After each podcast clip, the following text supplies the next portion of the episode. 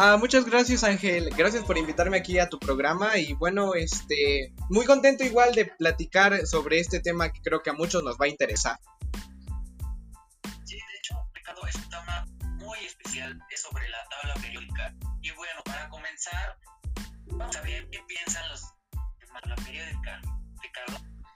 Bueno, pues la tabla periódica yo considero que es algo que eh, es muy importante, ¿no? Más si van a estudiar algo con relación a, a, la física y a la química, porque pues se puede decir que es como que el papá, ¿no?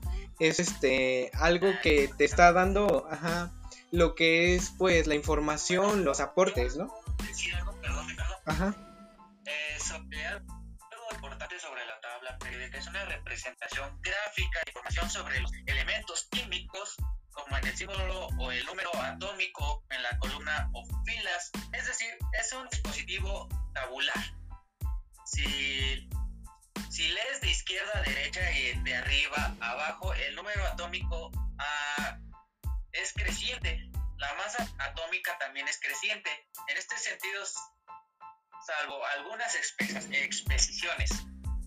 Sí, bueno, también eh, hay que mencionar que en esta tabla periódica se encuentran lo que son las representaciones y las descripciones sistemáticas. Estas se basan en las características atómicas y se pueden establecer tanto en, en categorías o tipos, atendiendo a propiedades físicas y químicas, que bueno, generalmente estas comparten un grupo de elementos específicos y una de las clasificaciones más extendidas tiene tres este, grandes categorías, que en este caso son la, eh, metales, metaloides y no metales. Y pues se dividen también a su vez en grupos más pequeños. Oh, ya. Bueno, no, las filas de las tablas periódicas eh, también se conocen como periodos, se llaman del 1 al 7, en sentido descendente. Periodo superior y el periodo 7 es el sentido descendente. Eh, inferior.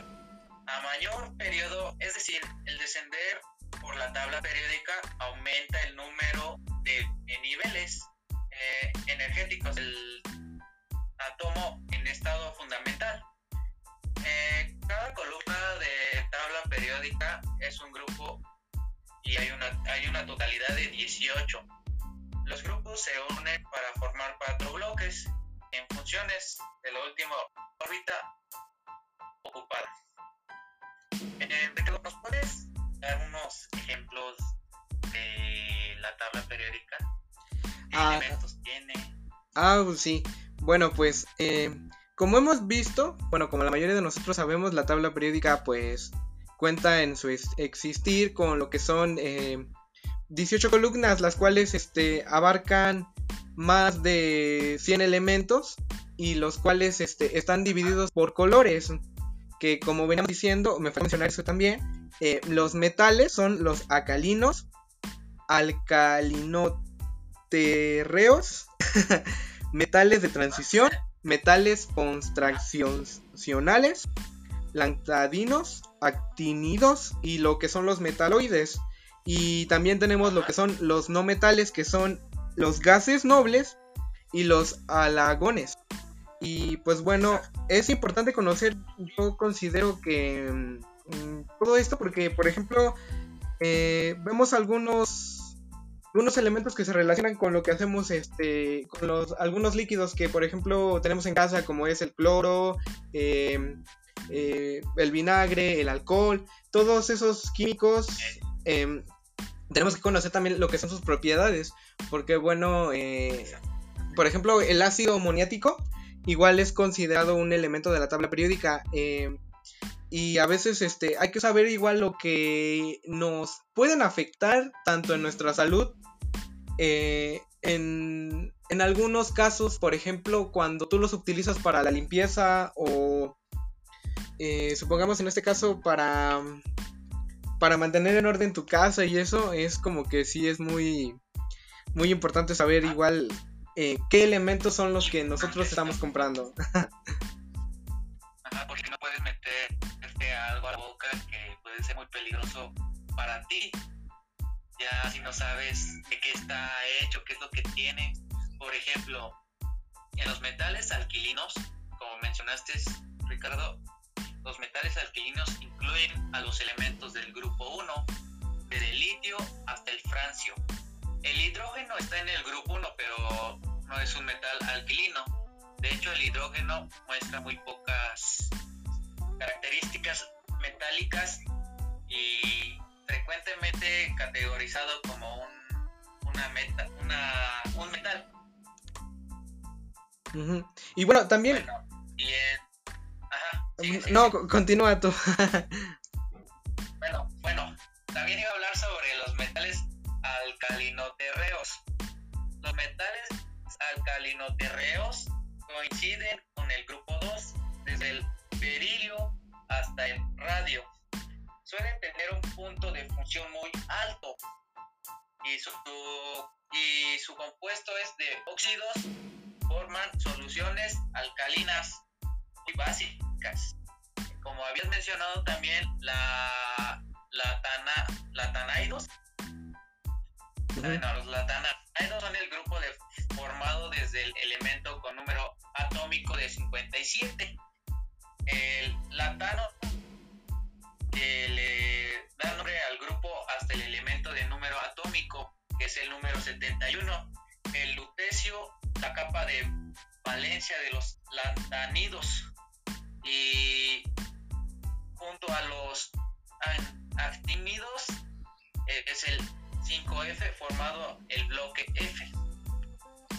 Y sí, bueno, y también por ejemplo, existen ejemplos de elementos que como lo son el oro, eh, la plata, el cobre, el plomo y el mercurio, que pues estos elementos ya por lo regular ya eran conocidos desde una antigüedad, pero hace cuenta que todavía no había como que ese contacto em, con el humano, por ejemplo, esa experimentación de saber qué, sucedía con estos elementos, ¿no? Si al mezclarse con ciertas sustancias se podría ver pues otra otro resultado.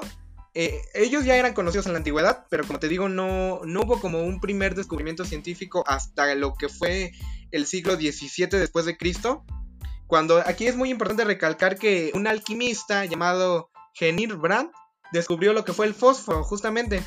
Y a partir de eh, el siglo XVIII se conocieron numerosos elementos, los cuales fueron pues dando mucha importancia y estos eran eh, integrados por lo que eran los gases.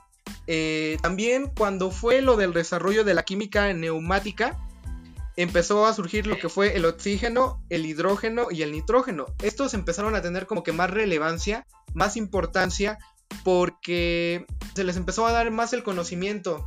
Como te digo, normalmente, pues a lo mejor sí los conocían de la antigüedad y todo, pero no tenían como que esa noción de para qué servían realmente.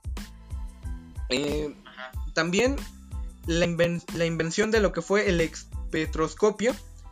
Gracias a esto se descubrieron nuevos elementos y muchos fueron nombrados por el color de sus líneas. Eh, tenían características, por ejemplo, eh, el elemento cesio debe su nombre a que en el latín significa azul. Talio, del tallo, ajá, eh, bueno, aquí este, se le puede conocer como talio, por su color, eh, en este caso es verde, rubidio, eh, es color rojo y pues bueno, la investigación en los procesos radiactivos lleva al descubrimiento, como te digo, en gran medida de una serie de elementos pesados y casi siempre con sustancias artificiales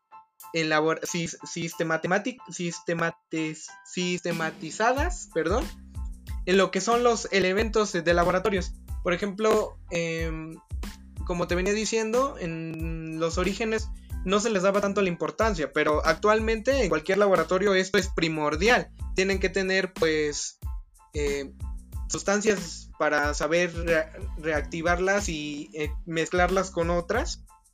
Y esto es como que de ley, ya cualquier científico tiene que tener en su laboratorio estos químicos, porque son importantes.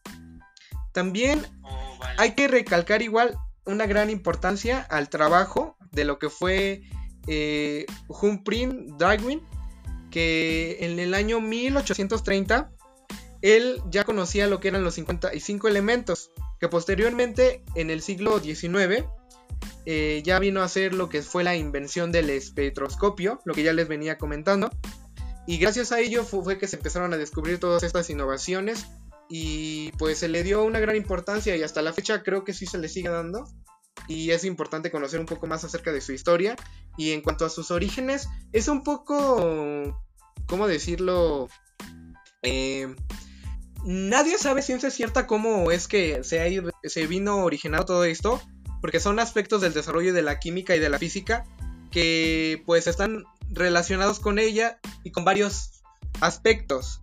El descubrimiento de los elementos de la tabla periódica, te digo que viene de años de, de la antigüedad, pero pues en sí un cierto año en el que se haya como que pues implementado una fecha en específico, mm, no viene, bueno, yo al menos no, no, no conozco que sea una fecha especial o oficial. Y pues, ajá. Bueno, estuvo muy interesante lo que el compañero Ricardo nos menciona. Eh, ya para concluir con esta sesión de la tabla periódica, voy a dar la diferencia entre metaloides y no metales. Bueno, los metaloides son sustancias que con propiedades intermedias entre los metales y los no metales. Eh, se comportan típicamente como no metales, pero pueden presentarse aspectos metálicos o conducir a la electricidad en algunas circunstancias. Y los no metales, bajo el término eh, de los no metales, se, se englobarían a todos los demás elementos, desde los halógenos a los gases nobles, pero es muy frecuente que se utilice para elementos de metálicos que no se pueden clasificar como halógenos y como, el, como gases nobles. Y pues bueno, algo que argumentar, compañero Ricardo, o sería todo. Eh, bueno, sí, sí, sí, antes de, de ahora sí que de finalizar, también me gustaría como que hacer un énfasis en que pues la tabla periódica eh, a veces se expande en su forma larga o de 35 columnas y pues esta está restableciendo lo que son los elementos del bloque F a su posición natural entre los bloques C y D. Eh, ¿Por qué me, gustaría, este, mm, cómo decirlo, resaltar mucho esto? Porque pues normalmente hemos visto variedad de tablas, ¿no? Eh, que por ejemplo unas tienen diferentes color y así. Pero pues sí es muy importante conocer la estructura, eh, que a diferencia de, de otras formas, pues las 18 columnas tienen que estar en una disposición como un resultado, que este resultado es el aumento sin interrupciones de la secuencia de los elementos y de los números atómicos. También se hace fácil ver la relación del bloque F con otros bloques de la tabla periódica. Por ejemplo, pues ya veníamos eh, comentando que son 32 columnas con base en los lactáneos y los actinidos, que son relegados en la mente de los estudiantes como elementos opacos y pocos importantes. Pero estos también tienen que ser eh, de alguna manera puestos en, en los ojos y no ser ignorados. A pesar de las ventajas, pues ahora sí que la tabla periódica tiene bastantes elementos y pues sí es como muy importante. Bueno, yo les voy a dar solamente un elemento, elemento del hidrógeno. Es el primero, el primer elemento de la tabla periódica. Este elemento químico más ligero que existe, es el más ligero. Su átomo está formado por protón y un electrón y, establece en forma molecular diatómica, es H2. En condiciones normales se encuentra en estado gaseoso y líquido. Y ya se puede encontrar en inodoros, Órales. Y pues eso sería todo. Ah, eh, bueno. Solamente del, eh, la tabla del hidrógeno, ahora sí que componente. bueno, y también otra cosa que se me pasó mencionar fueron que existen tres elementos que no, eh, no tienen propiedades químicas conocidas. Que este es el 108, que es el asio, el 112 que es el copernicio y el 114 que es perobio. Eh, estos elementos pueden comportarse de forma diferente a lo que se preside. Por, por ejemplo, a lo mejor no tienen elementos este, químicos o propiedades conocidas, pero varía en cuanto a la representación que se les dé. Eh, por ejemplo, tienen posibles algunas propiedades similares a lo de los gases nobles, eh, pero sin embargo son experimentos posteriores que sugieren que se comportan químicamente como el plomo, eh, pero se debe de esperar a, cierta posición de la tabla periódica. Y esto varía dependiendo de todo eso. Oh, wow. Bueno, pues ya si no tienen alguna duda, pues nos despedimos y pues espero les haya gustado sobre la tabla periódica y sus elementos, y que se les haya hecho de agrado este video y pues nos vemos pronto. Sí, muchísimas gracias por invitarme aquí a tu programa y sí, es un gusto aquí aportar un poco de lo que sé, pero es un gusto. Gracias. Sale, bye. Adiós. Adiós.